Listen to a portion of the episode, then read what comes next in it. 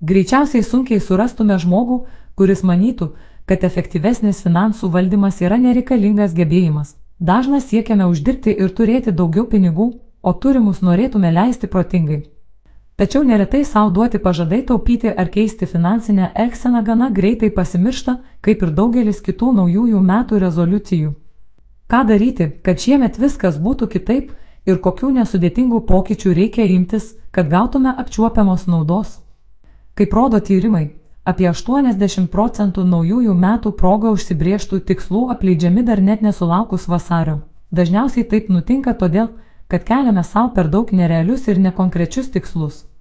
Nesėkme gali lemti ir viskas arba nieko mąstysena, o taip pat pernelyg akcentuojamas tikslo siekimas, o ne įpročio kūrimas.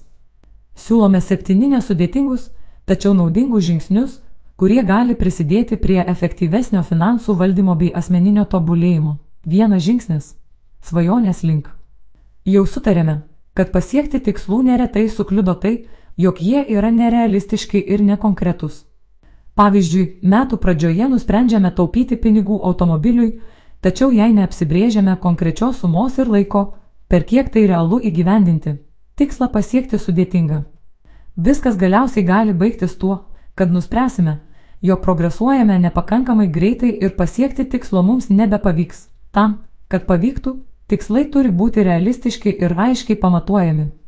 Tarkime, Nusimatome, kad sutaupysime 1000 eurų norimai kelioniai ir racionaliai įvertinę savo biudžetą, matome, kad taupimui per mėnesį galime skirti 100 eurų. Vadinasi, savo tikslą galime pasiekti prieš kitas kalėdas. Antrasis žingsnis - finansiškai sumaniau. Jei visiškai neturime santaupų tiems atvejams, kuomet netikėtai sumažėja pajamos ar padidėja išlaidos, pirmuoju mūsų žingsniu turėtų tapti finansinio rezervo kaupimas. Tačiau jei finansinė pagalbė jau esame pasirūpinę, pats metas pagalvoti apie dalies savo pajamų įdarbinimą jas investuojant. Pradžioje tai gali būti ir nedidelės sumos. Pavyzdžiui, investuoti į tokias priemonės, kaip investiciniai fondai, galima ir nuo vieno euro, tad žengti šį žingsnį sudėtinga nebus. Tiesa, labai svarbu tai daryti periodiškai. Trečiasis žingsnis - tvariau. Gali atrodyti, kad norint gyventi tvariau, Reikia imtis išties ryštingų žingsnių, visiškai nebenaudoti plastiko, keisti savo mytybą ar atsisakyti automobilio. Šie sprendimai būtų itin puikus, tačiau kita vertus ir maži pokyčiai gali turėti reikšmingos įtakos. Tad metams prasidėjus pravartu peržiūrėti nenaudojamus daiktus, juos atnaujinti ir vėl naudoti arba parduoti. Taip prailginsime daiktų naudojimo laiką ir sugeneruosime mažiau atliekų, Dažniau vaikščiodami pėsčiomis sutaupysime pinigų ir nekenksime aplinkai. O pradėję sudarinėti savaitės ar bent kelių dienų meniu ir reikalingų produktų sąrašą, apsipirkinėsime protingiau ir išmesime mažiau maisto. Ketvirtasis žingsnis - išmaniau. Dažnai vengiame skaičiuoti savo išlaidas ir sudarinėti asmeninį ar šeimos biudžetą dėl poros priežasčių, manome, kad tam reikia daug laiko. Be to, prisibijome pamatyti, kokiems nebūtiniems dalykams išleidžiame dalį savo pajamų. Tačiau biudžeto sudarimas ir jo valdymas nereiškia ilgų vakarų analizuojant Excel lenteles. Ypač dabar, kai išlaidą sekti ir biudžetą sudaryti padeda išmanų sprendimai. Taigi, dabar puikus metas parsisiųsti ir imti naudoti finansų valdymo programėlę arba peržiūrėti sugrupuotas išlaidas savo interneto banke. Penktasis žingsnis - samoningiau, impulsyvus pirkimas. Viena iš priežasčių, kodėl kartais nesuprantame, kur dinksta mūsų pinigai ir dėl ko nuolat jaučiamės jų turintys per mažai.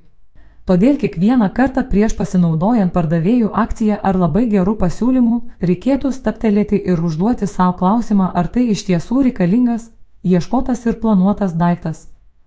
Ar viso labo galimybė patenkinti momentinį savo vartojimo norą, vengti impulsyvių pirkinių padės ir įėjimas į parduotuvę su sąrašu. Jei apsipirkinėjame internetu, pravartu neskubėti pirkti prekės, palikti ją kuriam laikui virtualiame krepšelyje, o po to dar kartą apgalvoti, ar daiktas mums tikrai reikalingas. Šeštasis žingsnis - efektyviau. Sutaupyti savaime nereiškia kažko būtinai atsisakyti, nes kartais tam pakanka skirti šiek tiek laiko ir atrasti pigesnių alternatyvų. Taigi, metų pradžia - puikus laikas peržiūrėti visus įsipareigojimus, paslaugų ir produktų prenumeratas. Galbūt kitas tiekėjas mums gali pasiūlyti geresnę kainą, o gal paaiškės, kad kažkuriomis paslaugomis apskritai nesinaudojame pakankamai, kad vertėjų jas pasilikti. Septintasis žingsnis - tobulėjimo link. Galiausiai, planuojant savo metų tikslus, svarbu nepamiršti džiaugsmo ir asmeninio tobulėjimo. Supratimas, kad per metus paaugome ir šiandien turime geresnius profesinius įgūdžius ar asmeninius gebėjimus nei vakar, yra labai apdovanojantis, ne tik emociškai. Tai gali reikšti ir geresnės karjeros bei atlygio galimybės.